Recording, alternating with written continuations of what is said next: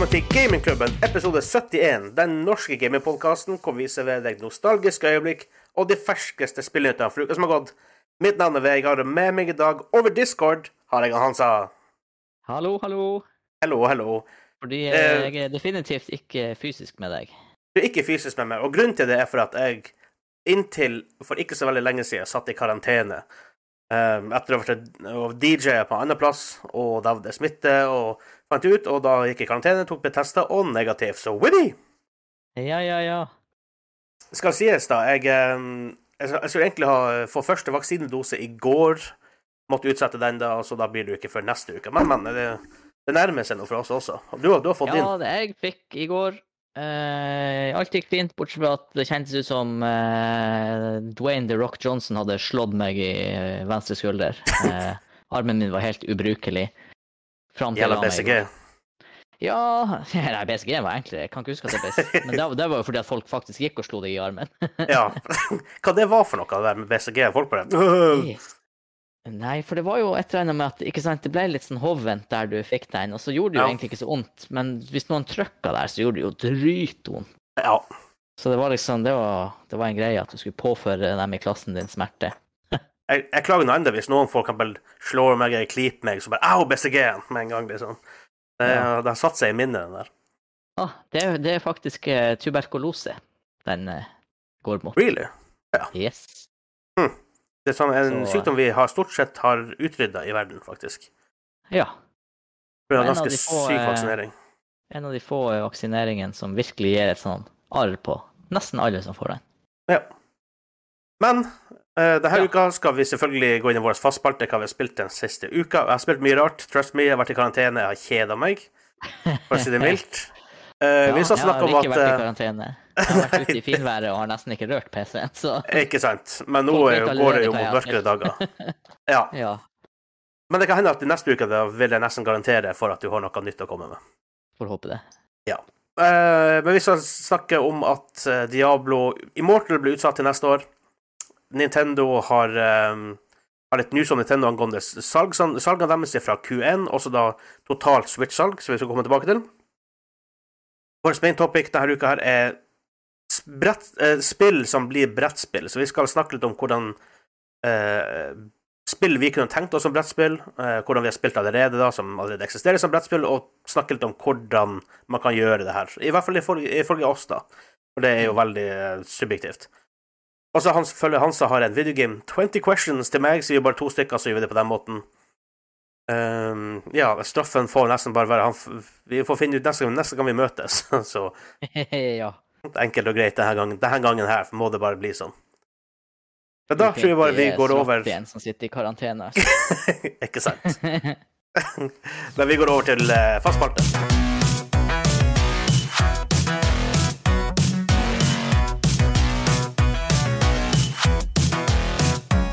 Da er det tid for vår faste spalte.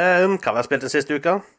Eh, Så Hansa, du kan jo bare gi- jeg holdt på å si, kom deg gjennom det. Hva du har spilt den siste uka. ja, nei, hva jeg har spilt den siste uka? Jeg har eh, kun spilt Legends of Runeterra den siste hele uka. Fordi jeg har drevet og spilt The Game of Life i mitt eget liv. Hvor Ja. jeg har eh, montert en gigamaskin i mitt eh, CNC. Ja da, jeg har fått en robotarbeider. Ja. Veldig spennende hva den eh, tar med seg fått inn i framtida. Eh, nei, det har jeg ikke gjort. Jeg venter til den skal døpes når alt er klart. Har du noe, har du Tenk noe ideer, Tenk om liksom? jeg klarer Ja, ja, tenk om jeg På navn? Mm, Ja. mm, nei, det får bli til en senere. Jeg har noen her, men jeg, skal, jeg, jeg, må, jeg må filtrere dem i eget hode først. Men noen honorable mentions til noen nerdy greier, det hadde faktisk ikke vært så dumt. C3PO eller noe sånt, noe sånt wordplay på Ah. R2D2 eller sånt. Ja, eller bare kalle han for Skynet Brain eller noe sånt. Å, Gerard Nei, hva han heter han? Uh, Jeroboham i, eh, i eh, Westworld. Rio Bowen. Rio Bowen, ja. Ja. eller T1000, eller hva er det? T1000, er det det? Det er han bad guyen. Fluid, fluid bad guyen Ja. i toa. Ja, ja, ja. Dæven, altså. Det er, det er mange, mange muligheter. Det er veldig mange Kanskje muligheter. til og med kan ta og lage oss noe gamingklubben-skilt. Å, herregud. Ja, da, vi, eh, vi trenger jo sløft i vårt nye videostudio. Det blir jo litt utsatt nå pga. karantene og sånt, men det kommer. Ja. Promise. Promise det kommer.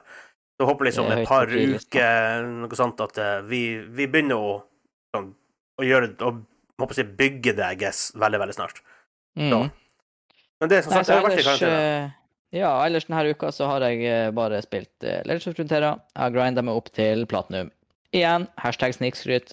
uh, men jeg får egentlig ikke Det var skryt ikke for så noe av det spillet. Så, nei, for hver gang jeg eh, får uh, hva det heter, pitcha Legends of Frontera på podkasten, så håper jeg at det er to andre nordmenn som begynner å spille det. For eh, akkurat nå føler jeg at vi er to stykk. Ja, og det virker som at faktisk Tallene har, har diva litt i det siste. I, eh, kan, rundt her, da. ja, muligens overall. Det er rart, det har vært veldig populært i spansktalende land. Ja, men de, det er også jeg ser masse, noen sånne her eh, spill som det er bare portugisere på Twitch om. Eller folk fra Brasil og Portugal, I guess. Som, Ja, ja, ja, og- I don't know why. Lore er liksom en av dem. Det er merkelig. Ja. snodig. Ja. Ja, men jeg har vært i karantene, så jeg har jo på en måte meg mellom soverommet og datarommet og, badet i tre dager, stort sett. Jeg har vært ute med bikkja eneste, men så jeg har jo tenkt Jeg måtte, jeg måtte jo noe noe gjøre. Først og fremst har jeg sett veldig mye OL, og det har faktisk vært litt artig å se OL. Uh, Ja, jeg har og sett eh, badminton eh, replays på YouTuben. Jeg har sett litt på, litt på badminton, men det er vanskelig å få med seg alt, for det er jævla mye som skjer. Mm. Og selvfølgelig Karsten Warholm. Fytti grisen for en mann. Ja, det Herregud. var eh, rimelig sjuk rekord. Ja, det var helt sjukt. Og um, vi tok et sølv i slegge. Eivind Henriksen heter han. Eh, det var veldig impressive. Um, hva mer? Bare tenke. Skulle Håndballjentene er jo i semifinale. Svein Sven Volleball-guttene er i finale. Vi, tar, vi har tatt triatlongull. Ja, det var det jeg husker, i hvert fall. Steike. Jeg har ikke fulgt med på noe, annet enn Karsten Warholm, da, som selvfølgelig var umulig å unngå å få med seg. Eh, Det var sjukt. Um, ja, men det jeg har spilt Først av alt, han sa jeg I'm, I'm weak. vent litt, hæ? Når du, sier, når du sier det der, så betyr det som regel at du har installert WoW. Maybe. Har du installert WoW? Jeg har sittet i karantene. Ja, det hjelper ikke, ass! Jeg har sittet i karantene. Jeg har ikke hatt en drit å gjøre. å- jeg jeg har ikke klart å- Vegard sin veike sjel. Jeg har ikke klart å spille det særlig mye, da. For hver gang jeg kommer, øh, jeg kommer til level 7 og bare Å, herregud, hvorfor gjør jeg det her? Så- Men det sier litt om hvor mye jeg kjeder meg, da. Um, Ja. Men jeg har spilt mye League of Legends, obviously, what a game. Jeg har spilt Splitgate, et nytt spill. Uh, tenkte Portal slash på en måte Unreal Tournament uten alle silly-våpnene. Altså speeden Ja. til Det har jeg sett, tregere. eh, det har jeg sett litt YouTube-videoer av. Det så, eh, så litt kult ut. Ja, det En er, shooter. En shooter er greit nok. Det er ikke, det er ikke Mm. noe Det er ikke noe revolusjonerende eller noe helt sykt. Det er, det er greit nok spill. Ja. Um, hva mer? Eh, Jeg begynner med Back for Blood-betaen når vi er ferdig her. Så det kan jeg ikke snakke om helt ennå. Jeg føler at det er noe jeg har spilt som jeg glemmer veldig nå. Føler litt uh, New New World snakka vi om sist. Ja, jeg spilte litt mer. Der så jeg forresten, du nevnte ikke det i nyhetsartikkelen, så vi tar det som en sånn super-quickie at uh, Ja. eh, full release er utsatt. Ja, det er utsatt. På grunn av at de fikk så mye god tilbakemelding fra brukerne av betaen, at eh, de tar vel å gå gjennom alt det og ta tak i det. Det lover jo kjempebra. Det er, jo, Ja det er bra at de faktisk tar det seriøst. Det er nye data 28. september. Um, det er noen, noen artikler jeg leser på det som er veldig, sånn, veldig positive med at ok, det er mye potensial her. De ser potensialet, selv om spillet ikke er perfekt enda. For Mm. let's face it, WoW var ikke perfekt da det kom ut heller, selv om veldig mange Nei, men det hadde ingen konkurranse. Nei, EverQuest var vel den konkurransen de hadde back in days, og kanskje Ultima Online, men det begynte å bli såpass gammelt by then. Um, mens andre artikler er veldig negative. Og herregud, det er ikke perfekt. er liksom. Tenker, ja, ja, fair enough, men gi det en sjanse. Altså, la det få et år eller to for å utvikle systemet. Greit, Question-systemet er, er ikke så bra, og det er en del sånne her ting som Men maybe they Jeg fix. tror, tror mye av problematikken der ligger i at det er mange eh, håper nesten si gåsøya spillanmeldere som, som kommenterer det, som ikke tar høyde for at de faktisk sitter og prater om et MMO. Det er ikke som andre spill som man kan forvente skal være velfungerende og polished at released. Et MMO vokser jo med communityet sitt. Ja, Absolutt. Ligger litt i det spillets natur. det gjør det. Og eh, så enkelte streamere um, Hva si en pr prominent WoW-streamer, blant annet, som faktisk nå har slutta med WoW, Espen Gold-fyren. Han har sluttet med Ah. WoW og gått til Final Fantasy 14. Du verden. Um, ja, som, ja. Uh, han er jo negativ til det meste som ikke er det spillet han spiller, så um, jeg, Han er fortsatt negativ til spillet han spiller òg. Ja, det er for så vidt også. Jeg holder meg mer jeg, Ja, som sagt, det er ikke et perfekt spill på noen måte, men jeg tror grunnlaget er der til at det kan bli veldig, veldig veldig kult på sikt. Mm. Um, jeg føler at det er noe jeg har glemt, men sikkert ikke. Sikkert ikke. Det har som sagt Vov, da, men uh, bit, bitte litt TBC Classic. det. Classic. Eh, det er veldig snodig for at å bytte mellom retail og TBC Classic Bytte i grisen, det er annerledes. ja. Og, og det merker jeg med en gang. Jeg foretrekker Vanilla slash TBC fremfor retail. Å, At herre. det tar- Ja, det, Ja, jo, men, men, altså, men hele greia som vi har snakket om før på podkasten, det at det tar tid å levele, og levelinga er en experience, og du møter folk utenom verden, du møter en random Kise Westfall i level 12, og så plutselig er dere level 60, to år etterpå du snakker enda med han, liksom, eller sånne ting. mm. Sånn, sånne ting opplever du ikke i retail lenger. Nei, det var den her community-forskjellen vi snakker om på retail og gammel WoW. Ikke sant? Så um, for deg som har hørt Nostalgihjørnet, så snakka vi veldig mye om det der. Um, så det er litt interessant da, å få, på en måte få kan hoppe imellom moderne WoW og egentlig gammel WoW, ikke sant? Ja. Så, um, og, og merke at jeg foretrekker gamle WoW. Bare det er litt kjedelig, for man har spilt content allerede, så det er ikke særlig artig. Så derfor er WoW 2 klart jævla kult. Mm. Ja, uten det så har jeg egentlig bare sittet i karantene, så um, ja, det er, mye, det er ikke så mye å gjøre. Det er utrolig hvor kjedelig det er å ikke ha noe å gjøre når du ikke kan gjøre noe. det, det rart det der. Det er akkurat som eh, Ok, akkurat for meg er det ikke gjeldende, da, men jeg vet veldig mange er sånn her Når sommerferien begynner å bli på hell, og de har hatt sommerferie i to måneder, så er de litt sånn her Ja, nå er jeg klar for å, for å gjøre noe annet. Ja, det begynner å bli litt kjedelig å bare ikke, å ikke gjøre en dritt. Ja, det er akkurat det. Trenger litt sånn guiding. Ja, nei, men uh, det var jo faktisk en ganske lang liste, det, denne gangen. Ja, litt utskjell som en bonusnyhet der. Absolutt. Så vi hopper over til nyheter.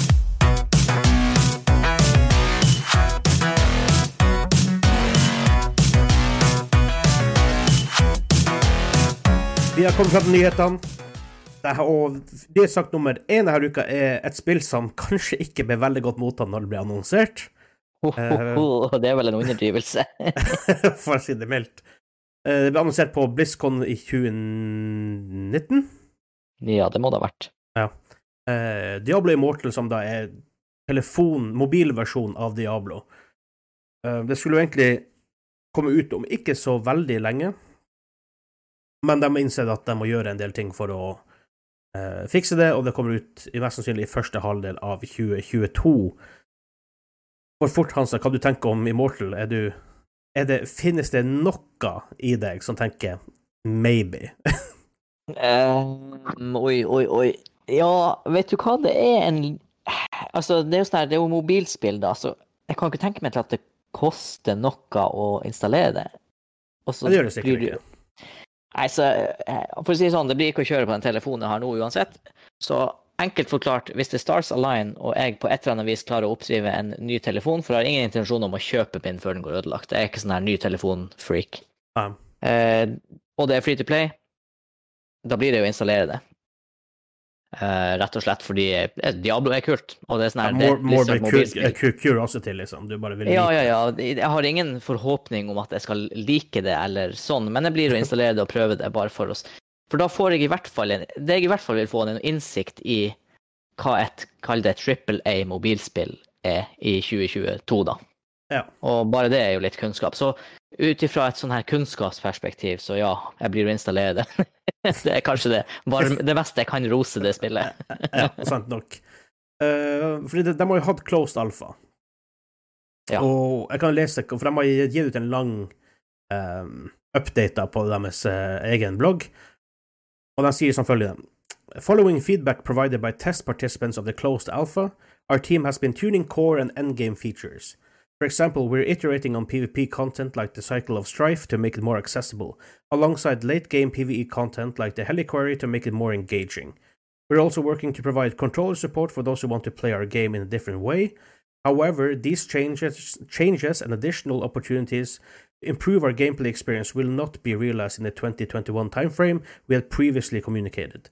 The game is now planned for release in the first half of 2022, which will allow us to add substantial improvements to the whole game. Så Like før release, ish, så så, Og selvfølgelig er derfor du har closed alpha, da, for å teste sånne ting. Så inns- så innser de jo at det må jo være noe som er galt. Nå har ikke jeg spilt closed alpha, så jeg vet ikke hva som er galt.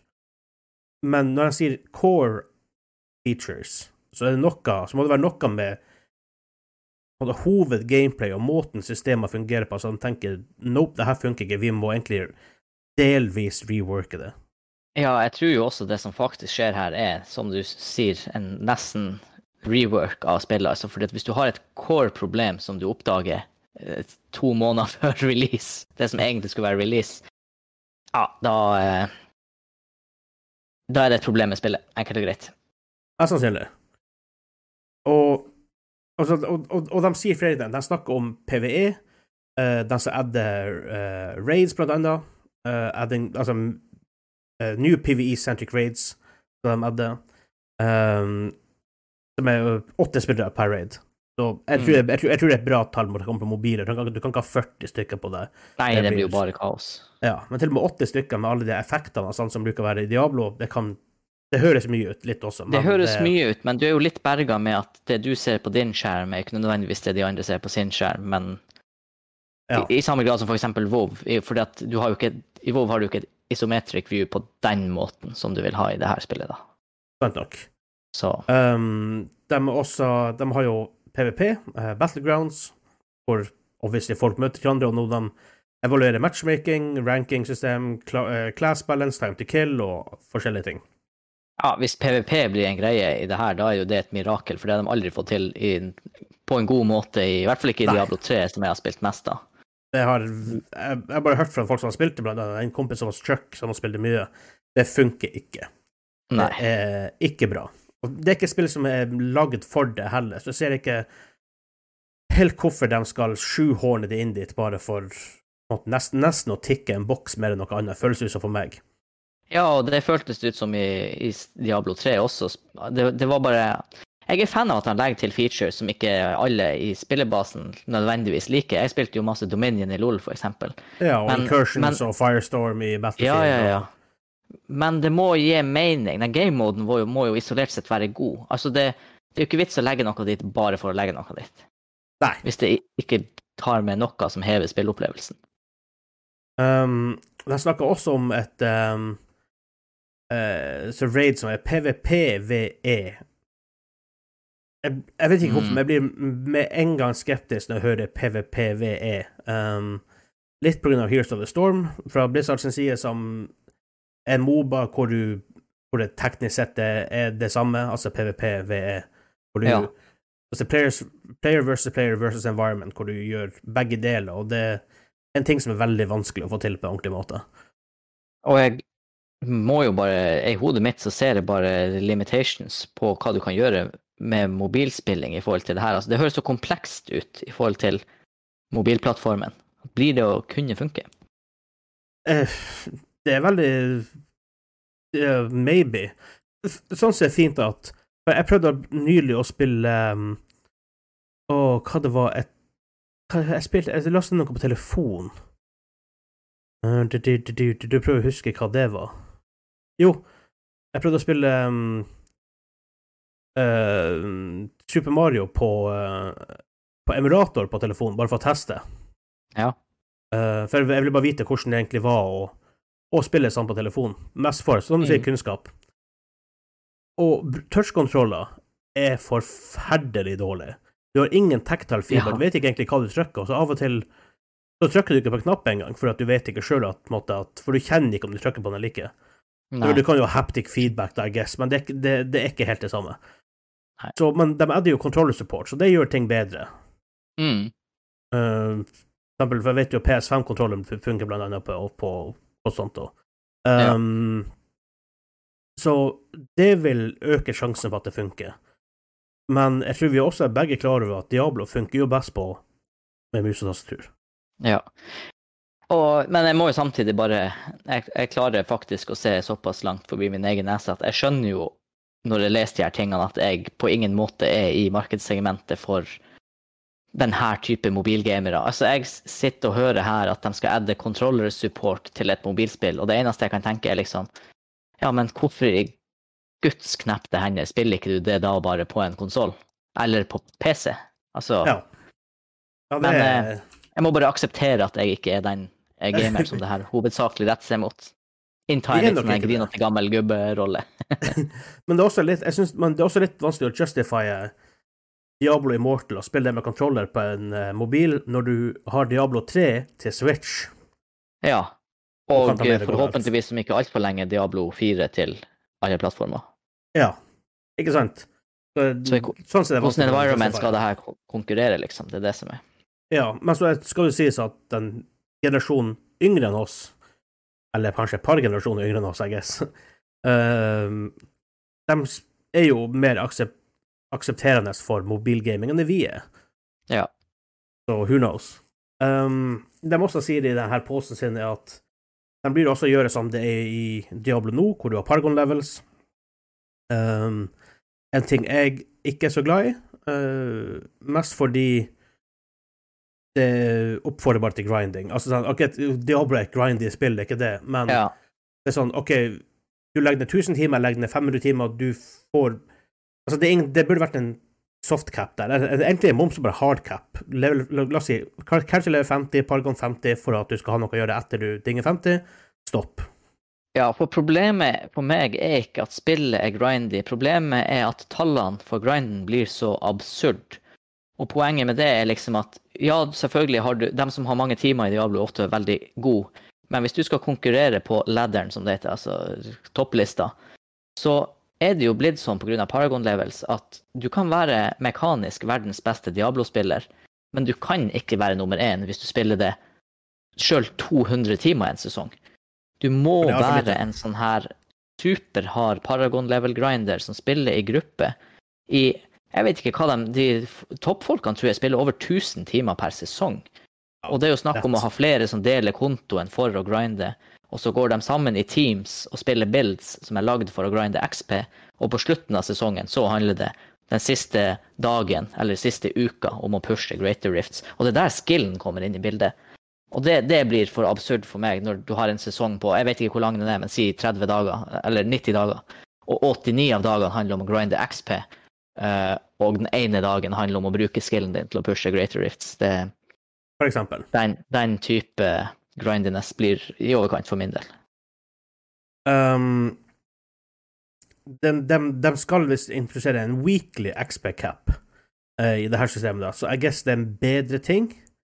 Uh, for å se Ja, hvordan de um, faktisk implementerer det, da. Ja, nå vet man jo Um, ikke hvor den capen er. Nei. Og det er bilspill Kan du kjøpe det høyere cap? Mm. De, de sier ikke at du kan det, men altså, det mobilspill er veldig kjent for å gjøre sånne type ting. Ja, ja. Um, så det er et par ting de har også her når det kommer til character progression. er Firstly, we are introducing bonus XP gain for players who play less often. Mm, OK. Vi, her skal du ha OK, det, det blir sånn mixed messaging her for meg, føler jeg. Jeg vet at vi er veldig negative til Diablo Morton men um, jeg tror, og jeg tror, ærlig ærlig talt, jeg tror det er veldig mange som er det òg. De har mye å bevise med å spille her. Men Ja. de lager et grindy-spill hvor de rewarder grinding. Altså sånn beyond Sånn som vi snakka med Paragon Levels og alle sånne ting. Mm. Men så skal de rewarde folk som spiller lite. Og da føler jeg OK, hva er vitsen for dem å spille mye? Ikke at de får sikkert litt mer, men det er veldig mixed. Du kan, ikke, Ja. du kan ikke ha det both ways for deg. Nei, de prøver i hvert fall det i marketinga sin, men det må Ja. jo ende opp med at en av sidene taper. Enten er det jo dem som legger inn mye effort, som på en måte ikke får samme verdi time for time spilt. Eller Ja. så er det jo den catch-up-mekanikken de påstår å legge inn, som bare er irrelevant. Um, og først, jeg, jeg sa de hadde weekly XP cap. Det var i closed alpha, da. Uh, Ja. Nå har de um, Secondly, we we are replacing the weekly XP cap with a global cap that increases over time. Hmm. Bedre. Ja. I hvert fall. Ja. Um, det som sies også da, This allows players more flexibility with their playtime while also allow allowing latecomers to a server a viable path to catch up.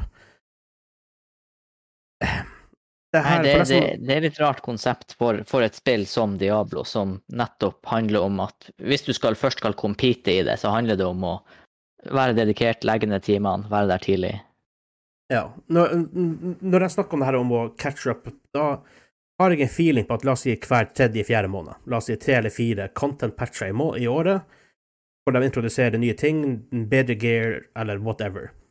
Mm. Fordi hvis, du, hvis det hadde vært ett års tid mellom hver gang dere kom ut, så om noen er latecomers siste halvåret, så vil de teknisk sett likevel ha mulighet til å catche opp, uansett om Ja. de får ekstra ting eller ikke. Det, regner, det her in- in- indikerer litt for meg som at det bør være rimelig ofte content patcher, så hvis folk kommer den siste måneden, skal man likevel ha mulighet til å catche opp. Mm.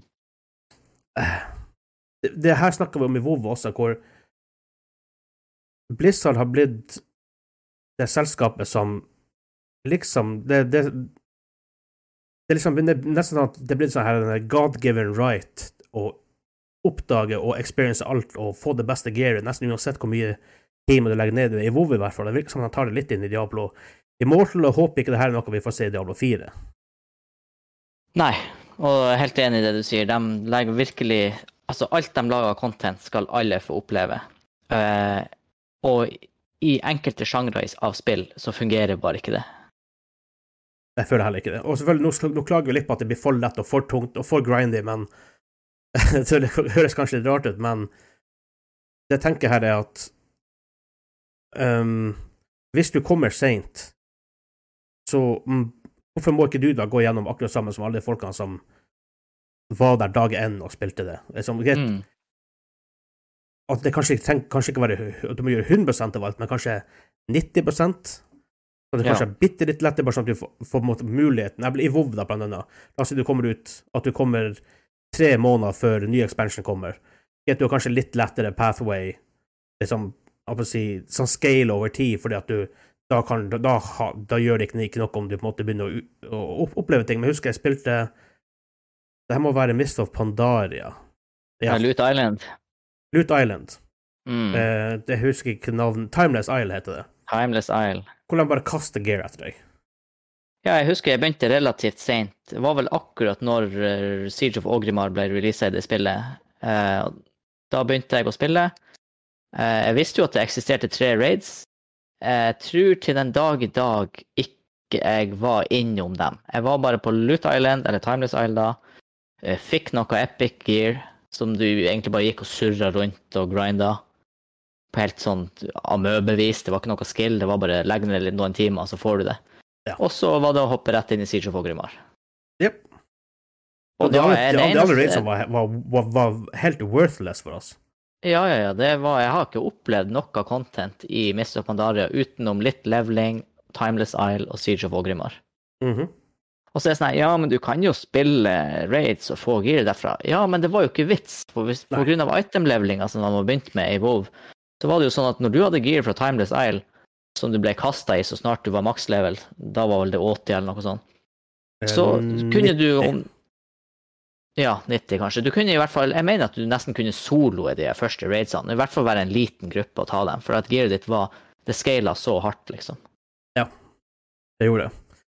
Så, selvfølgelig, men Ja. det som sies, at selv om vi er kritiske til det her, men også fordi at de det er veldig få mobilspillere som faktisk har fått det til å funke på en bra Ja, og som du sier, det er bare det at de har, de har rett og slett mye å bevise, og uh, mitt final point med det spillet her, før vi går videre til neste nyhet, det må være at uh, jeg dømmer det hardt nå fordi eh, spillet har mye å bevise, uh, men jeg tar gjerne feil sommeren 2022 Gjerne. når jeg prøver det første gang. Gjerne. Ingenting har vært bedre om å ta feil for det her, for å si det sånn. Men så også det faktum at det er Diablo. Det er akkurat det. Jeg vil at det Altså, innerst inne vil jeg jo at det skal lykkes. Ja. Jeg har bare ikke trua. Så, Jeg har bare heller ikke veldig trua. Det beste i verden hadde vært om jeg hadde tatt skikkelig feil. Jeg håper det. Jeg håper vi kan komme tilbake om et år og bare Fy faen, Diablo Morten. Det må alle prøve. Revolusjonerte mobilgaming. Ja, det har vært kult. Um, det også sies, jeg har jo Jeg er jo kanskje litt kjent på podkasten uh, siste Vi begynte egentlig å være litt kritiske til Blizzard these days, for at de ikke De er liksom som ikke det de en gang var. og det tror jeg mange Nei. føler. Um, så, men igjen, uh, å få Blizzard tilbake til sine glory days ingenting har vært bedre enn det, nesten. Så. Men jeg tror vi bare egentlig da går videre til Hopper til Nintendo. Hopper til Nintendo.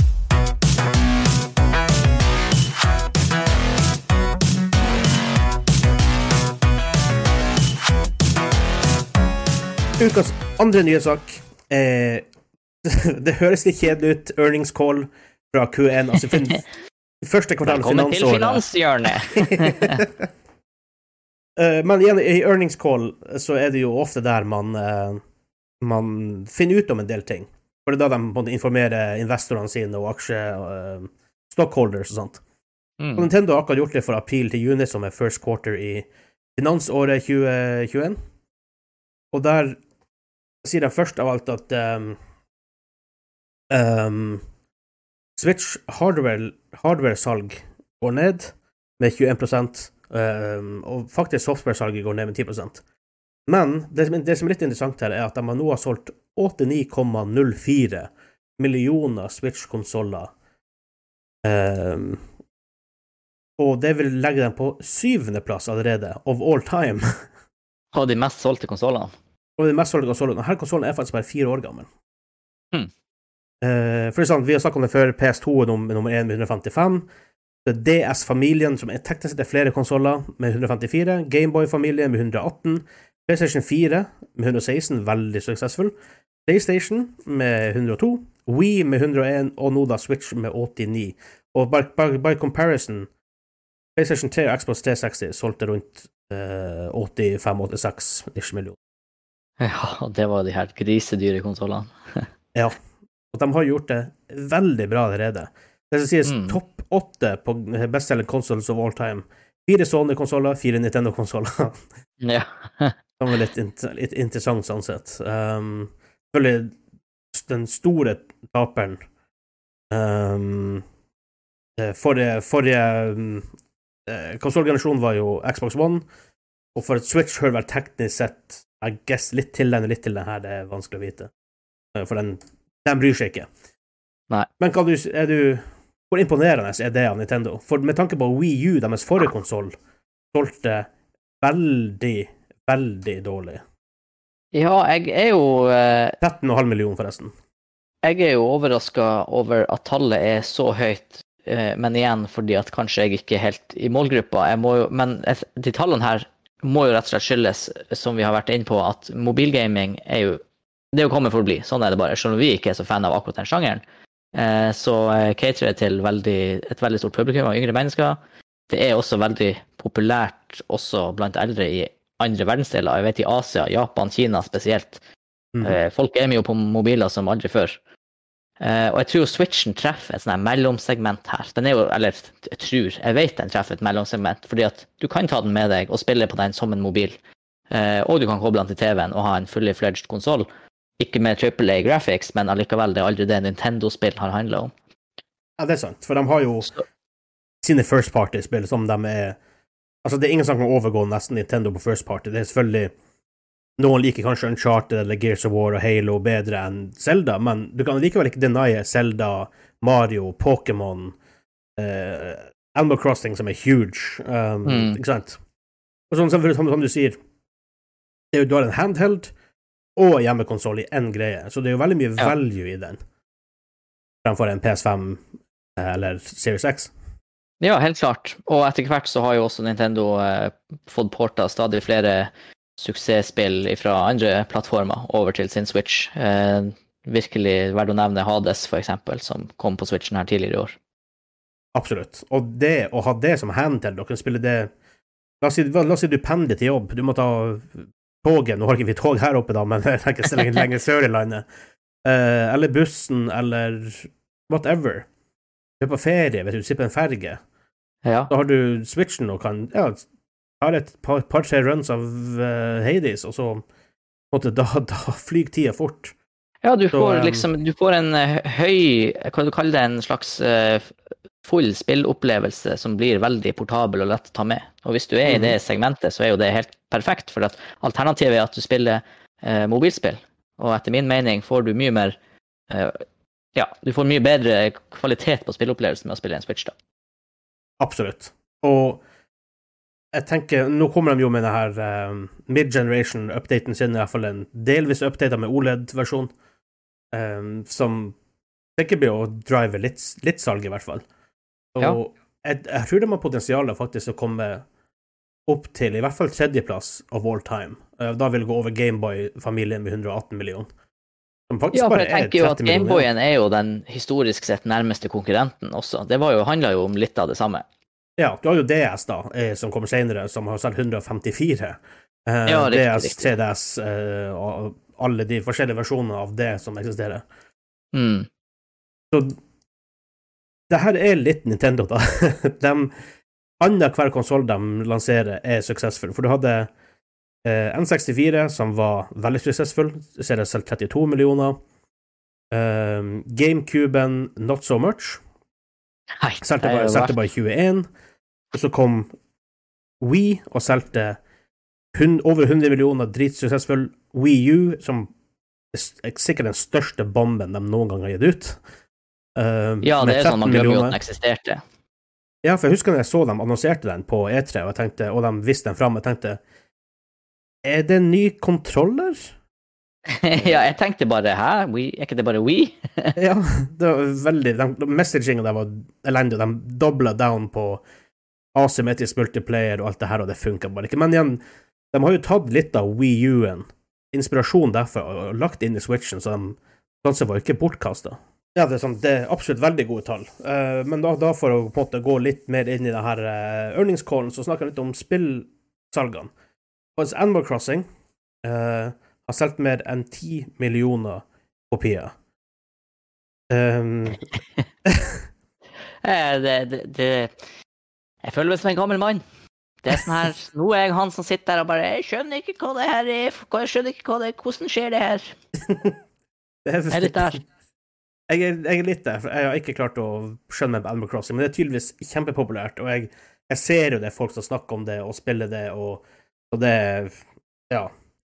Um, så har du New Pokémon Snap, uh, som vi har blant annet hatt på streamen vår, som har solgt uh, den, den, den, den sier eh, 2,07 millioner kopier utenfor Japan. Um, Ja, veldig spesifikt. Hvor mange har solgt i Japan?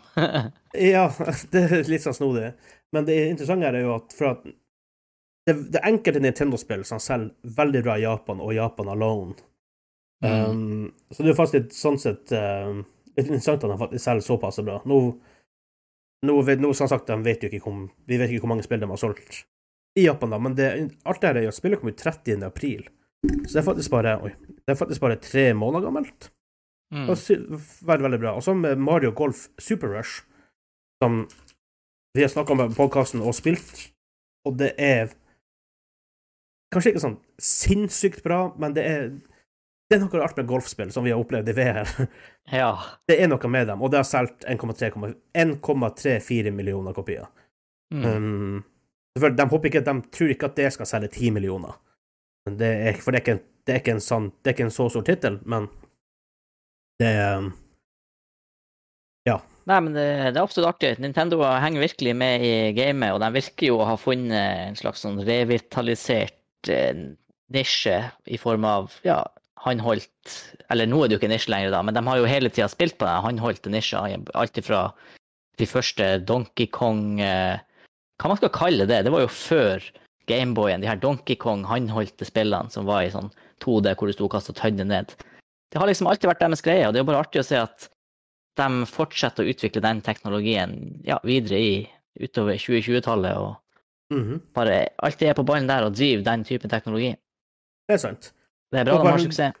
Litt, ja da, vi trenger Altså, jo flere måte, Det er bra at måte, Microsoft, Sony og Nintendo gjør har, måte, gjør det bra og kan konkurrere med hverandre, selv om Nintendo gjør sin egen greie. Ja, det, det er liksom dem, Det er rart der. Det er liksom I konsollkrigen, da, som jeg heldigvis ikke er en del av, så jeg ikke har konsoll i det hele tatt, så er det liksom Å, jeg skal nå kjøpe PlayStation. Nei, du er noob, jeg skal kjøpe Xbox. Nei, du er noob, jeg skal kjøpe PlayStation. Ja. Og så sitter begge to og kanskje har en Nintendo liksom på si. det er sånn her er uskyldig, sides, uskyldig sidesprang som liksom bare ingen ingen, det er ingen som disser deg for at du har Nintendo, det er ingen som disser deg for at du ikke har Nintendo. Det er bare god stemning med Nintendo. Ja, men Nintendo, både Wii-en og Switchen er en veldig perfekt andre konsoll. Altså selvfølgelig, hvis du elsker Nintendo, så er det jo en first console, liksom ingen doubt om det, men hvis du har en PlayStation, så det nesten ingen, eller Xbox, så er det nesten ikke vits å kjøpe den andre, med mindre du har lyst, veldig lyst til å spille Uncharted eller Halo, da. Men for Mm. kjøper du Nintendo, så får du jo plutselig Zelda, Mario, Pokémon, Animal Crossing, alt det her, ikke sant? Ja. Og perfekt sånn sett. Og bare sånn liten clarification. Jeg sa at hvis ikke det var klart at når jeg sa at uh, Animal Crossing har ti 10 millioner kopier, det, det var jo bare noen sånn nå siden for Unlike last year, when Nintendo sold more than 10 million copies of Animal Crossing to nearly double its figures from the previous quarter. Og nå har han solgt 34 millioner worldwide, da. Bare sånn clarification. Det er ganske høyt på lista over mest solgte spill også, altså. Det gjør det. Mm. Animal Crossing tar av. Uh, så jeg, jeg ville bare cl clarify det. Um, og de har selvfølgelig ikke da snakka om Skyward Sword, for det er jo denne quarteren det det er i. Um, Skyward Sword HD. Så um, Og selvfølgelig så kommer, som vi sagt, eh, nye OLED-updaten ut. Så vi regner med at da vil, det vil booste hardware-salgene litt ekstra, siden det er en decrease, men det er normalt etter fire år, da, obviously. Ja. Så, nei, all in all, det ser ut som at alt er, alt er bra hos Nintendo, i hvert fall. Um, og uansett om, om man er en PC-gamer, konsollgamer, uansett hva Med tanke på at Nintendo er Nintendo, så det er bestandig artig å høre at Nintendo gjør det bra. For de er jo Ja. Altså, de Nes, Nes 64, ikke sant, de er jo De er Nintendo, let's face it. Det er liksom den snille gjengen, snille personen i gjengen som bare alle vil ha med videre, og ingen har noe ondt å si om. De bare er der. Ja. Og selvfølgelig, da kommer jo eh, Da har de jo egentlig flere store spill som kommer ut til jul. Metroid Dread, som ble annonsert på Nintendo Direct ganske nylig. Um, veldig mange som er gira for det. WarioWare, som jeg tror vi bør få i posten. uh, fra Bergsala. Han Jørgen der. Takk skal du ha, Jørgen, for alt du sender oss og, og, gjør- og gjør for oss. Um, og det er sånn minigamespill. Dæven, det kan være artig i, i, i riktige settings. WarioWare og Mm. Mario Party og alt sånt. Dritkult. Uh, Mario Party Superstars og remakes av Pokémon Diamond og Pearl, som de satser på mot Holiday i 2021. Ja. Men da Masse godt i vente for dem som er glad i den franchisen. veldig. Jeg tror vi går til min topic. Ja da, vi kjører på.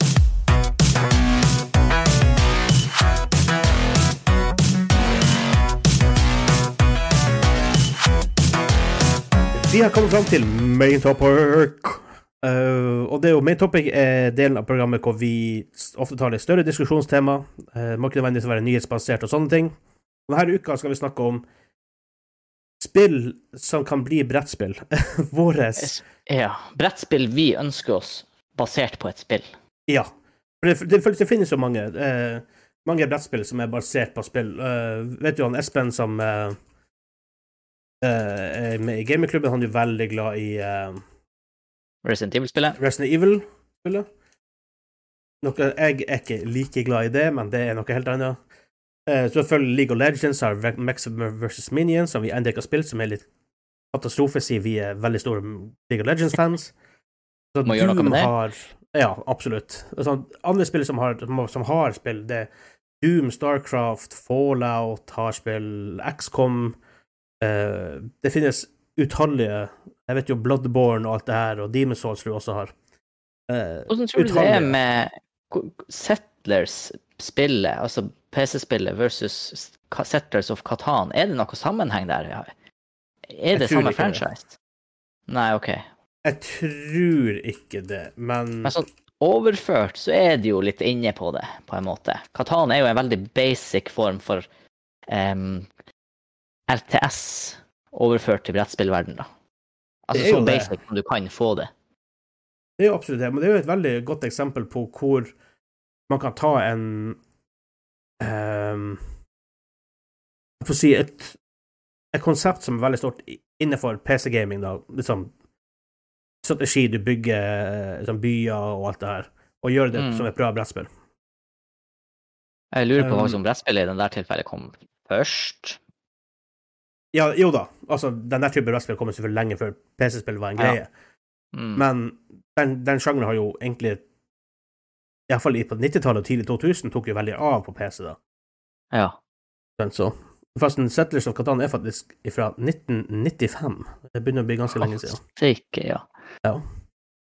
Um, Hvordan går så vi har, vi har plukka ut to spill hver. Vi, vi vet ikke hva vi, hva vi har. Um, eller hva hverandre har, etter det. mm. Og Jeg vet ikke hva jeg sjøl har skrevet ned. Jeg vet ikke. jeg heter Vegard. Jeg heter Vegard. Men jeg har lyst til å begynne med én. Uh, Dette er den mest obvious av, av de- de to jeg har på listen. Det er Civilization. Uh, og ja, jeg vet det eksisterer Civilization-brettspill. Ja.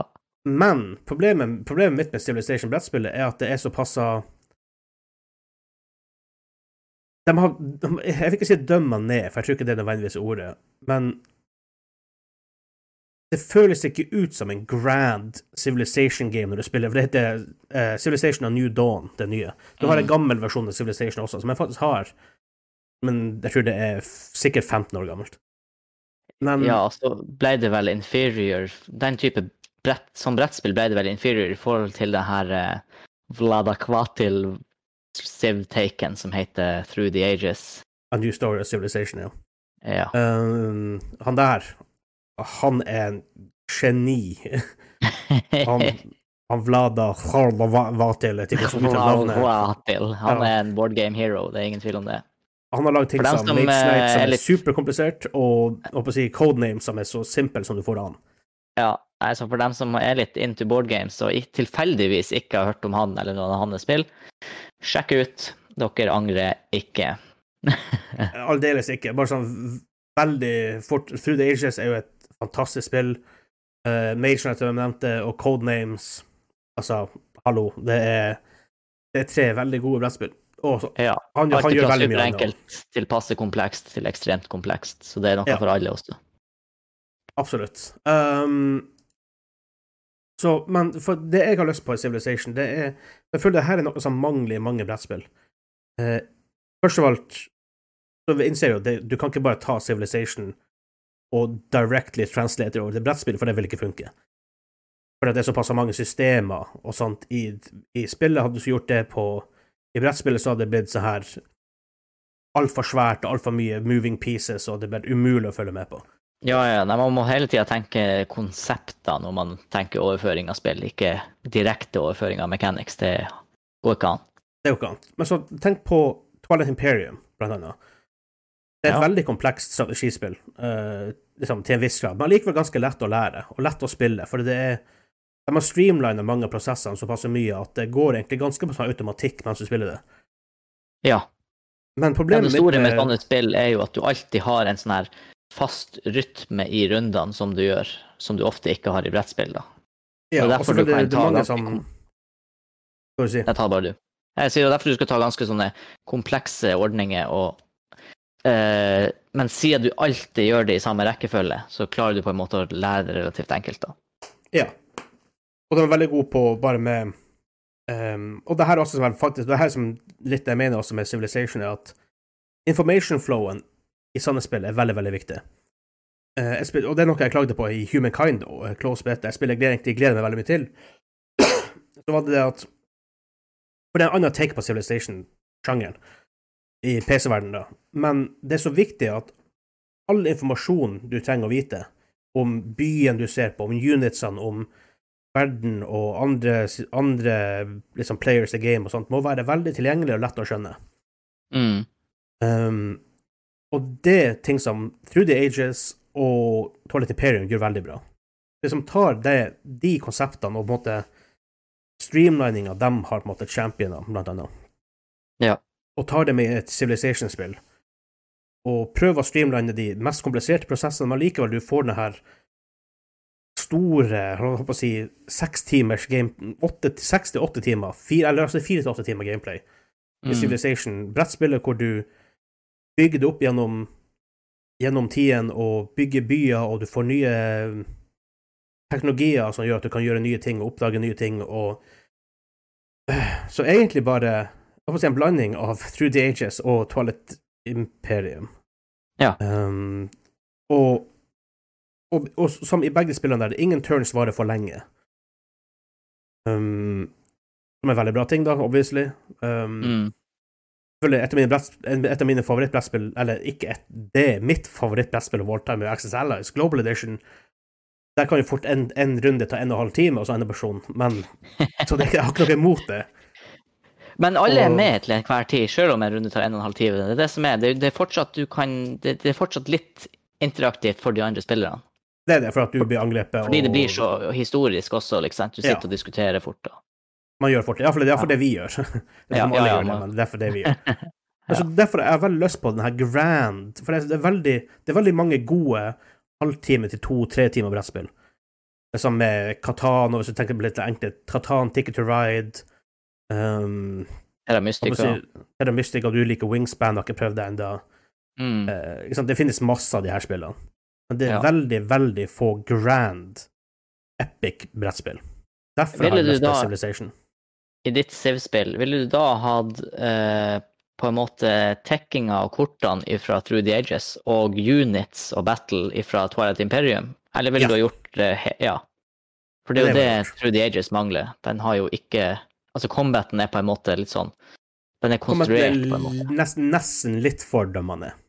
Ja. Hvor det blir bare et ab abstrakt tall, istedenfor Ja. for at du har units, og du bygger units, og du ser Og så noe med det visuelle, at du ser måte mappe og hvordan ting ser ut, og ok, han har mye units der, og du må flytte på units. Så det blir en sånn Mm. en ekstra layer i det hele, føler jeg, da. Ja. Eh, Så en blanding av de tingene. Som du sier, packinga fra Through the Ages den er veldig bra, veldig solid. Um, Mm. veldig sånn, sånn engine building-versjon derfra. Um, og på en måte sånn Og for oss er Twilight Imperium, som er et stort, stort brettspill, for dem som ikke vet hva det er, um, in space, da. Og, og det er veldig mange units, men combaten der er veldig streamlina i forhold, i forhold til for eksempel X- Access hvor det ofte kan ta litt lang tid, uh, og det Ja, er komplisert med masse forskjellige tall og sånt. Så er den såpass streamlina i i um, Twilight Imperium, jeg tror det vil faktisk ville funka veldig bra. Blande de to. Og selvfølgelig gjort det mer Civ-like, da, men Rett og slett uh, Through the Ages, men mer rett og slett et interaktivt map. Ja, For det er jo ikke Through the. Ages, det er jo bare kort. Ja, så på mange måter egentlig, egentlig det som jeg ville hatt um, i, min, i min versjon av Civilization, da. Ja, Det var ditt første spill. Det var mitt første spill. Ta du ditt første spill, da. Uh, det første skal jeg ta fordi OK, jeg tenkte lista litt fort her. Og det er ikke det at jeg ikke vil ha det. det, det sånn her, Jeg har lyst på det spillet her, men samtidig så innser jeg at jeg kanskje ikke ville ha tid og prioritert å spille det. okay. Men OK. Men det jeg ønsker meg, er et coop-basert spill. Eh, litt sånn eh, Gloomhaven-aktig Mhm. av eh, Divinity Original Sin. Okay. Så jeg ville hatt litt, sånn, litt av den artstylen. Jeg ville hatt litt minis. Og jeg ville hatt eh, abilities, magi, effekter og items som da eh, manipulerer eh, brettet du er på. Ikke sant, Med poison-overflate og is-overflate og sånne ting. Og poenget her er litt sånn Ikke et sånn kjempelangt campaign-basert spill, sånn som Gloomhaven eller Divinity-spillet i seg sjøl, men kanskje litt mer sånn her skirmish battles. Litt Så sånn du som det heter to- Star Wars um, Hva det heter det vi Star Wars-spillet vi spilte? Yeah. Assault something. Ja, Imperial Assault. Imperial Assault. Ja, ja litt, litt sånn. Bare at jeg tenker hovedsakelig så er du da to spillere, fordi det er veldig få gode virkelige toplayerspill. Eh, og du trekker kort som kanskje er altså som er tilfeldige encounters. og så Du stager rett og slett det som i spillet ville vært et combat-scenario der du, dine to eh, spillere, eller kanskje fire karakterer, da, men med to spillere, eh, skal slåss mot f.eks. ti mobs i det scenarioet. Og så skal du Mhm. vinne. Og så finnes det forskjellige kort som gjør at vanskelighetsgraden øker eller går ned. Eh, legger til litt sånn random elements. Rett og slett et godt skirmish miniature toplayerspill. Og poenget her er at det skal flyte bra, liksom. Det skal være lett å lære, og så skal det ta kort tid å spille. Vi trenger ikke et nytt Warhammer. Vi trenger ikke en ny eh, Hva det heter det der miniatyrspillet du kjøpte, det horroraktige greia? House Mansions of Madness. Mansions of Madness, da. Jeg trenger ikke et sånt spill som konkurrerer med vår hellige rollespilldag, som er sånn seks timer en gang i uka. Ja. Men bare noe sånn her, et litt sånn kult eh, pent designa uh, skirmish-spill for to stykk, som kanskje tar en time til to å spille. Det litt sånn uh, role-playing, uh, sånn RPG in a box, bare litt si en litt kortere versjon av det det ofte er. Ja, ja, ja. ja. Også gjerne den her med fokus på den mekaniske delen, da. Men også selvfølgelig Jeg er ikke så glad i sånne companion apps, men om det hadde vært noen kule kort med litt sånn law-basert tekst og ja, litt av den cheesy humoren som er fra spillserien, det hadde vært, eh, det hadde vært knall. Jeg kan jo sånn sett eh, anbefale da Mage Knight fra han Vlada Chavatel, eller hva han heter for noe. Um, Ja, det er, det det er jo ikke helt sånn, men altså, du, du får den coop-feelinga av det. Mm. Uh, du Ja, kan det er vel bare det. Mage Knight bruker du vel fort en fire, fem, seks timer på, erfaringsbasert. du bruker fort eh, nesten fire-fem sessions med å lære spillet. altså, Ja. Du spiller ganske ofte for å måtte maintaine, for det er veldig tungt spill å lære. Mm. Uh, til, til å spille effektivt, da. I hvert fall. Yes, det var min nummer én. Ja, da tar vi nummer to. Dette er den du, jeg sa til deg før vi gikk on air, da, at du Du bør tenke Yes, det der vil være kult, men du, du tenker ikke på det spillet. Forhåpentligvis ikke før jeg sier det. Coop-spill, som vi tenker vi igjen To player coop-spill er ganske sjeldent. Mm -hmm. uh, overcooked. ja, OK. Ja, det har faktisk noen uh... For det, det, antagelig har mechanics du kan overføre. det virker som at det nesten Det der spillet kunne fort vært et spill basert på et brettspill, på noen måter. Eh, For dem som ikke vet, Overcooked er sånn her eh, to til fire player co-spill hvor du jobber på kjøkken og må servere mat på rare og snodige baner som beveger seg og sånt. Og tenk Mm. akkurat denne mekanikken med, med forskjellige maps. Veldig lett å lage i, i et brettspill. Du, hvis du har modular maps, ikke sant? For eksempel. Mm. Og så har du boka, i, i eh, manualen, i, hvor du viser hvordan du skal sette det sammen for forskjellige levels, eller du kan lage custom levels, I guess. Mm. Um? Og så må du Det er movement med karakterer og action. Det er veldig ting som er lett å transfere til til et brettspill hvor du igjen får den intense coop-feelinga, hvor ting begynner å gå galt, og du må prioritere movement og actions veldig hardt, og det skjer morsomme, randomme ting, ikke sant. Mm. Så en litt sånn action economy-strategispill-variant av Overcooked, da. Jeg tror nesten du måtte ha det for å få det her For hele greia med Overcooked, som jeg og du har spilt ganske mye av, Ja. er, er jo det at ting begynner å gå galt, og du må virkelig prioritere hva som må gjøres til enhver tid. Jeg Derfor tror lurer det har veldig på viktig å ha det sånn. Ja. Jeg lurer faktisk på om der at timeglasset hadde virkelig hørt hjemme, altså. At En du av de en få timer. tilfellene hvor en timer faktisk hører hjemme i brettspill. Ja. En av mine minst En av mine least favorite mechanics i brettspill er timeglasset som står der ved sida. For ofte, jeg syns det ofte er litt abused og gjør seg en lett måte på å skape stress. ja. Men brukt i riktige settings så tror jeg det kan være veldig bra. Mm. Og jeg tror, jeg tror du vil få den her syke overwhelmed feelinga som overcooked er, hvor du sitter med La oss si For jeg du sikkert spille med opp, opp til tre andre, da. Hvor du Ja. får den her companionshipet rundt, et, rundt bordet som du veldig vanskelig å replikate med andre ting enn brettspill. Mm. Derfor tror jeg Overcooked perfekte brettspill. Nå må jeg jo bare fort google om det eksisterer, men jeg tror ikke Jeg, jeg, har- jeg syns jeg har googla det før, men det Ja. Jeg vet det, det er spilt med Kitchen Rush, men det er ikke Det er likevel ikke Overcooked. Så. Nei. Jeg kom jo på nå at eh, kickstarten til eh, Rainbow Six Siege, the board game, er ferdig for ikke så altfor lenge siden. Det var et spill, selv om jeg har mine gripes mot sånne miniature games, så var det et spill som ligger mitt hjerte så nært at det var nesten jeg backa det, altså. Det er close. Det ble ikke noe av. Men ja, eh, ditt andre, hva du har. Mitt andre er eh, Vi er litt inne på din eh, verden her med Siv. Eh, Ok. Jeg har skrevet en The Engine Builder med, fra Anno-serien. Oh. Anno-spillene til Ubisoft. Eh, jeg liker jo best de Anno-spillene som ikke er futuristiske. Jeg liker jo dem som er liksom basert på gode, gamle seilskip og handel i, mellom koloniene og sånne ting. Så jeg kunne ha tenkt meg eh, det. Og jeg innser jo nå når du snakker om ditt Siv-spill, at vi er inne på mye av det samme. Fordi jeg vil jo ha de gode eh, engine builder-elementene fra uh, Through the Ages. Også et annet spill som du vet jeg er veldig glad i, som er Puerto Rico. Som går veldig mye på økonomi og handel. Mhm. Det hadde jo passa seg perfekt inn i det her spillet. Også på toppen av det hele så vil jeg ha et brett da, som kanskje aller helst bygges. Fog of War i brettspill er jo ikke en greie, men du har jo den her eh, muligheten å ha litt sånne modulære tiles som du flipper opp. De kan jo f.eks. ligge face down inntil du på en måte utforsker neste region. Ja. Det har vært veldig kult. Igjen, også som litt med Civilization, du, vi lengter litt etter det her store, grand, epic brettspillet, for det er veldig få av dem. Ja, ja. Som Det, det må ikke være svaret i, vare i 40 timer eller sånn 30 timer som Global Edition kan gjøre, men at det, er litt mer, at det tar litt lengre tid å Litt av issue jeg har med, med mange brettspill som liksom skal være epic på en liten skala, på en liten skala som det er Civilization-spillet og delvis Through the Ages.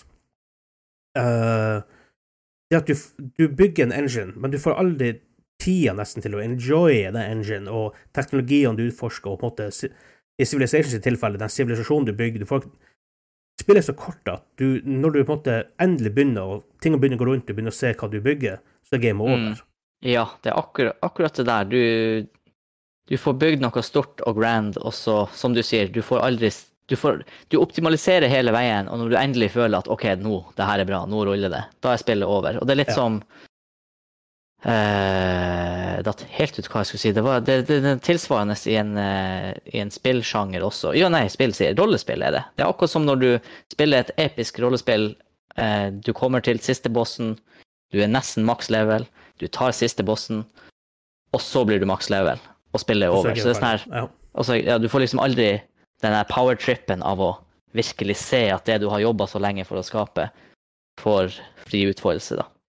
Ja, og spesielt i, i sånne her mange typer spill hvor du fokuserer på litt andre ting, eksempel i Through the Ages og sånt, hvor du fokuserer på La oss si på du vil være sterk militært, eller på en type ressurs, eller trading, eller whatever. Mm.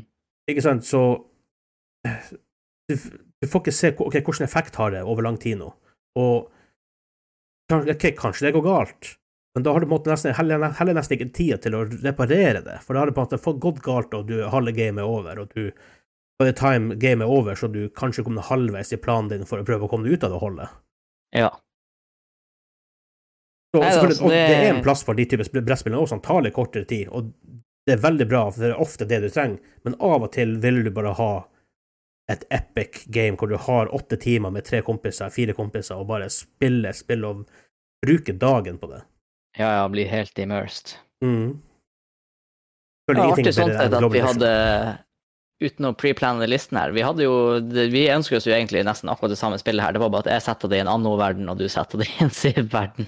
Men vi jo spilt det vi, tyd, det vi tydeligvis trenger, er jo en, eh, ja, som du sier, grand strategy world-bilder av noe slag. At some point skal vi, skal vi få opp Global Edition igjen.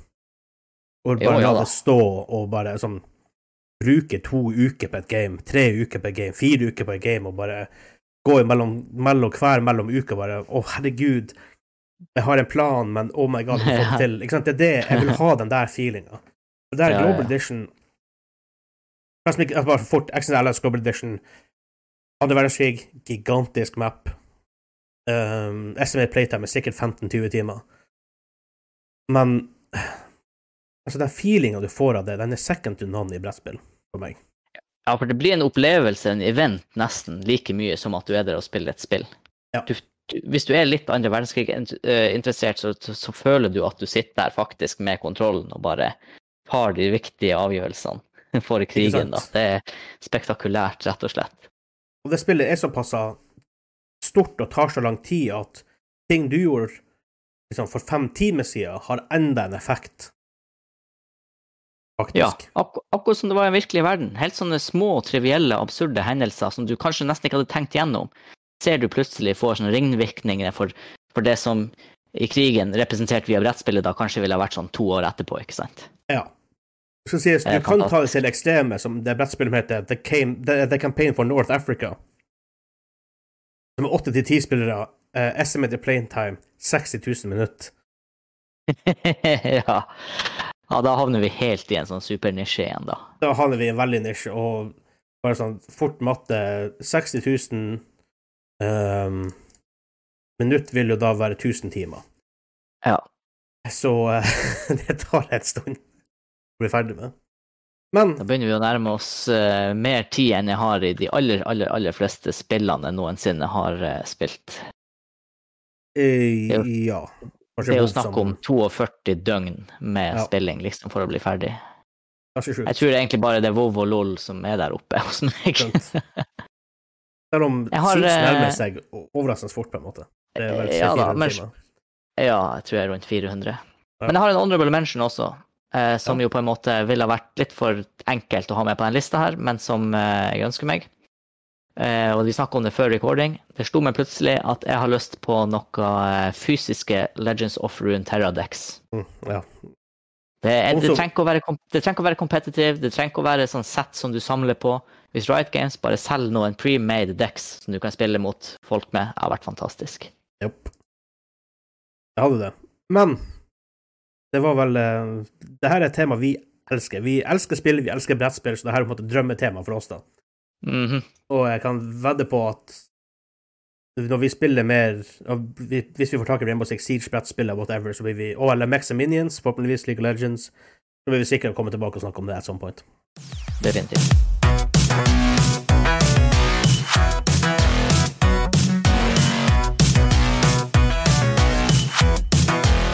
Vi har kommet fram til quiz time! Quiz time! Yeah! Yeah! Oh, yeah, tonight! Hva vi skal med jingles? Vi bare synger jingles. Yeah! Men altså, du som er quiz-keiser i dag, ta, og, ta oss Ja. reglene og hva vi skal gjøre. I dag er det 20 spørsmål. Et kjent uh, fenomen for dem som har hørt på mange av episodene våre. Ja. Uh, som du bruker så pent å si, jeg har et spill. Jeg har det i min uh, boks. Eh, eller som jeg sier, i mitt uh, hjernes tempel. Eh, du har definitivt hørt om det spillet her. OK? Uh, det er alt jeg ønsker å si før vi klikker i gang. Du har 20 spørsmål. Jeg noterer ned hvor mange spørsmål du har stilt. Jeg er klar til å starte. ok.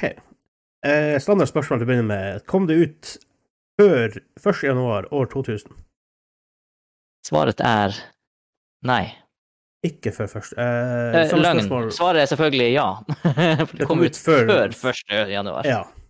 Ja. OK. Kom det ut før 1. januar 1990? Nei. Det er sånn 90s game. Um, OK, OK, OK. ok. Er det eksklusivt til én plattform? Vi går jo i det her eh, systemet her etter Wikipedia-regler, Ja. og da må jeg svare nei. Ikke eksklusiv til én plattform. Ah, Jeg føler at eksklusivt er mye lettere ofte å finne ut av. Da kan man bare narrow, narrow, narrow det ned mer og mer og mer. og mer. Ja. Mm. Fikk du det på PC originalt? Ja. Så et PC-spill kan være på andre konsoller i 90-tallet.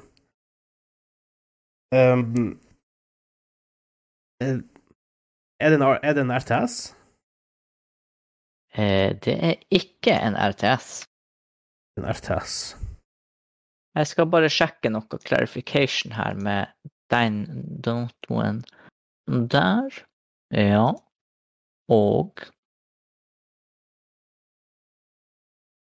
Ja, nei, vi går det er alt Jeg føler jeg kan stå for alt jeg har sagt så langt.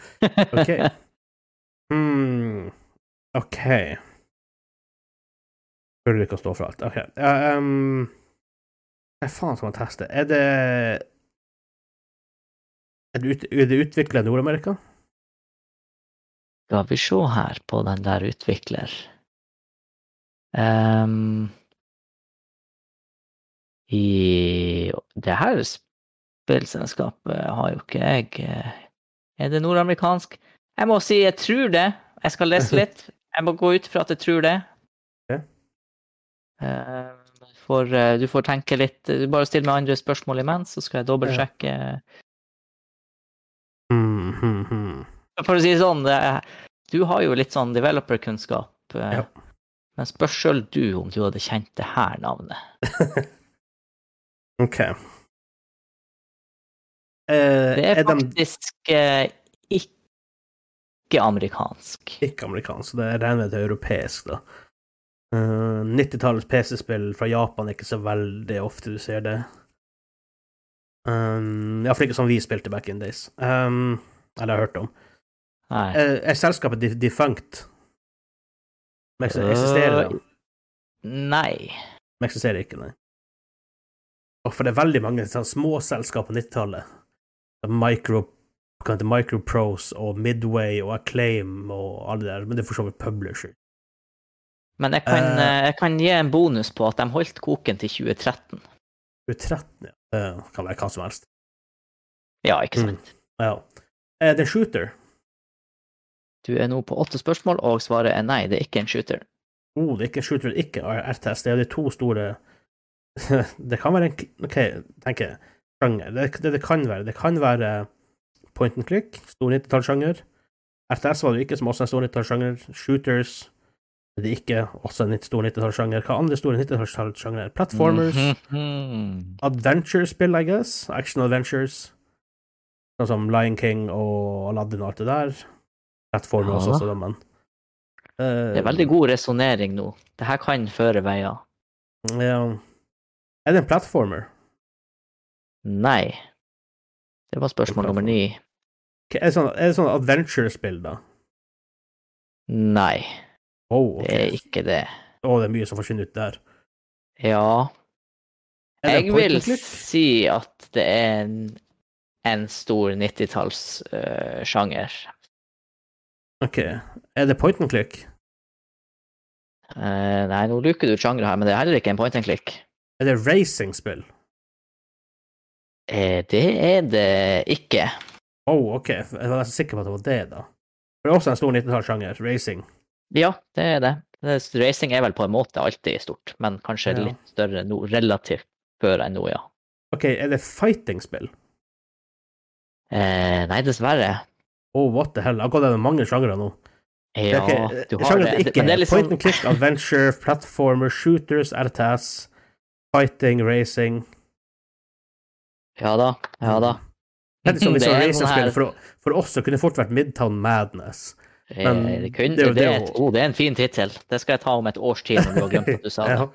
For det er jo et, eh, for det, er- er jo Det er ikke et racingspill, men er bilkjøring, så det går sikkert under racing. Jeg hadde sett på det som racing. Uh, oh, men den, du sier det er en stor 90-tallssjanger. Ja ja. Ja, ja, ja. Ja ja. Men også, jeg tenker veldig hardt PC nå, men det er jo på andre konsoller. Men det Åh. Men du spurte om det først kom på PC, og da var jeg klar på at det kom først på PC. Så, så eh, Ja. det Ja. Men liksom, for det kom det ut en måned etterpå på konsoller, kom det ut med det remake etterpå, who the fuck knows. Det er veldig mange det er, veldig, det er mye som kunne ha skjedd etter det kom ut på PC. Ja da. Um, OK, OK. Hva skal man si uh, Det, det er en del sånne faste spørsmål du ikke har stilt. Kan jo nevne det. En del, en del faste. Det er i hvert fall ett som vi bruker å være ivrig på å stille i. Jeg har spørsmål. spørsmål jeg vet sånn som jeg har lyst til å være innom. Men jeg tenkte liksom at siden 90-tallet tenkte jeg ok, nå skal jeg prøve å ta ned sjanger, for det er, det er flere sjangere these days å gå gjennom enn det på 90-tallet. Ja, du brant mange sjangere. Du er faktisk Neste du spør nå, det er spørsmål nummer 14. Å, dæven. Ok, er det, er det licensed? Eh, hva, hva vi legger i det, at det er sånn type type, Du kjenner det fra film og TV, liksom? En sånn For eksempel. Eller fra Ja. comic books, eller Mm, Nei. whatever. Nei. Ikke licensed. Ikke meg kjent, og ikke noe jeg ser her. Oh god. Uh, OK, jeg er i trøbbel, tror jeg. Um, du- du- Jeg skal gi deg et hint etter neste, for da er du på 15. OK.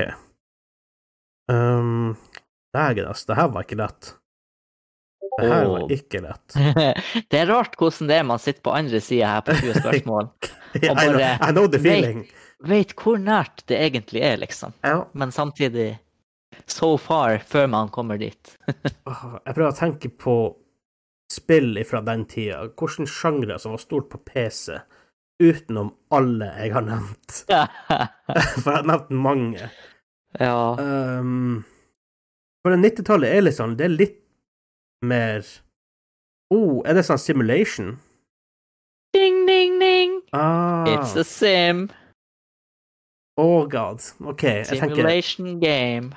store simulation games på den tida som jeg kan tenke på, det er rollercoaster-spillene selvfølgelig, og alt det her, det er det her Team Hospital og sånt. Eh, Det er, mange, det er en del der, men det er rimelig, rimelig narrow sjanger på noen måter. Det kan selvfølgelig være SimCity. Um, Men absolutt vil jeg si en stor sjanger på 90-tallet. ja, ja, det er en veldig stor sjanger. Det var litt uflaks at ikke du traff deg inn i din jettespree fra spørsmål 9 til 13. ja. Det var en sånn sjanger som bare escapa litt. Grann. Jeg måtte bare gå inn i my mind palace her. Um, Ja. OK. Mm, for jeg har ikke så Hvor mange spørsmål er det igjen? Du har eh, jo sånn sett fire spørsmål igjen, og så må du gjette. AKA det der hva du sa nå, var nummer 15. Ja, OK. Så fordi, hvordan kan jeg effektivt narrow det ned? Um, OK, er det mye humor i spillet? Ah, nei, nei, det glem det, glem det, glem det, for det er humor i SimCity òg, I guess. Bygger du by? Nei. Bygger du theme parks? ja. er, det, er det Rollercoaster Tycoon? Bingo! Er Rollercoaster Tycoon på spørsmål 18. Uhuhu! Jeg kommer eh, regna jo med du skulle komme dit når du naila Sim-spill på 15.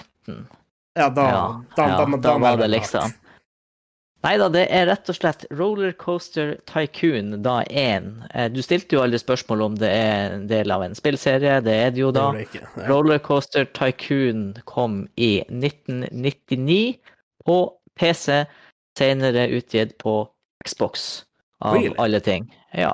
Wow. Xboxen kom jo i 2001, så det må jo ha tatt litt tid før det kom, da.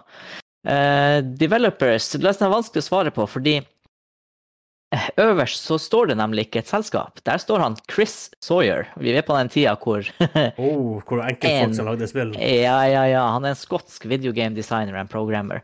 Men han har jo da eh, videre i franchisen eh, samarbeidet med Frontier Development. Ja, Frontier. Et Ja, jeg, Ja, et Ja. britisk gamedev. game dev.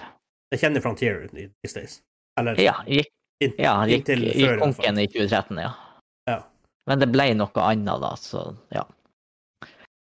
Så det var rett og slett det. jeg kjenner igjen et spill fra dem. Um, ja, eh, de lager jo Planet Zoo og eh, Jurassic World Evolution these days. Det kan nok fort tenkes, ja. Ja. De heter de det i dag, da? Um, Formally uh, Ja, Ja, nei, eh, OK. De, de eksisterer ennå, kind of. Ja, men de har bare skifta navn, ser jeg jo nå, ja. Ja, de er, de er en uh, limited, limited selskap nå, ikke, ikke incorporated sånn før i tida. Eh, Riktig, riktig. Ja. Så altså, jeg har spilt en del, del av spill de siste par årene med de som var eh, Elite Dangerous, Planet Coaster, Zoo Tycoon, Planet Zoo, Jurassic World Mm. Evolution. Hadde du bare åpna med å stille spørsmålet kan du lage uferdige eh, rollercoasters som sender alle sine besøkende i døden, da hadde jeg måttet svart ja, da hadde du skjønt det med en gang. ja, da hadde jeg skjønt det med en gang. For let's face it, når du var ferdig med det spillet, da var det det artigste du kunne gjøre. Ja, ja det var, stort sett det man eh, gjorde. kreative måter å sende sine besøkende i eh, rollercoaster-døden på. Hvor, hvor høyt klarer jeg å få dem å hoppe før de krasjer? Ja, Ja, det var festlig, det spillet der. Det var sykt artig. Siste kom skal vi se, To har kommet, og tre har kommet, og det siste i hovedserien heter Rollercoaster Tycoon World, og kom 2016. Det husker jeg faktisk at vi snakka om. Det er ikke dem som har Mm. developet det, da. Nei, men altså i, i franchisen så er det det siste mm. spillet. i- Ja. ja. Ja, nei, men eh, det, var, det var en blast from the past, for å si det sånn. 18 spørsmål, da er det Da er det Da begynner det å bli tight. Da Ja, det å bli veldig tight. tight. Ja. Men det var episode 71. Uh, hvis du har lyst til å støtte oss, kan du gå inn på patreon.com slash gamingklubben. Støtte oss der. Da kan du få eksklusive shows, du får behind the scenes, du får aftershowet vårt, eksklusiv merch, rabatt på merch når vi kommer ut med det. Eh, early access blir vel å komme til YouTube-videoen vi bør lage etter- hvert, når vi bygger mm. videostudio nå. Absolutt. Um, ja. Og Hjertelig takk til våre uh, superpatrons. ja, Simen og Kim. Super supersupporters. super supporters. Eh, Uten tvil. Evig takknemlig. Jeg skal gi en Ja. applaus. Jeg hørte ikke det. Kom ikke det på mikrofonen? Nei. Helsike, har sånn støydemping. Jeg er altfor Ja. fancy. ja. OK. Men eh, vi setter vi, La meg si at jeg ga applaus. Eh, det er selvfølgelig på grunn av supporten fra som, folk som man, Simen og Kim og våre andre Patreon-supportere at vi kan utvide noe med videostudio. Ja. Så. Og det er litt kult. Så tusen, tusen takk. Setter umåtelig pris på det. Ja. Uh, selvfølgelig Nostalgihjørnet på søndager. Vi har en ny episode av Gamingklubben hver fredag. Begge episoder kommer ut klokka 06.00. Eh, reklamefri access på Patreon. Så inntil videre, og inntil neste gang. Ha Håper selvfølgelig å kunne komme sterkt tilbake neste gang med ordentlig lyd til dere, som dere er vant til på vår Ja, det kommer også, for så vidt. Når du bare er fri fra karantena. Ja. Som jeg er nå, men det blir litt Ja. sent. Så All right. da tror jeg vi bare går sier ha det. Adios. Adios. Det.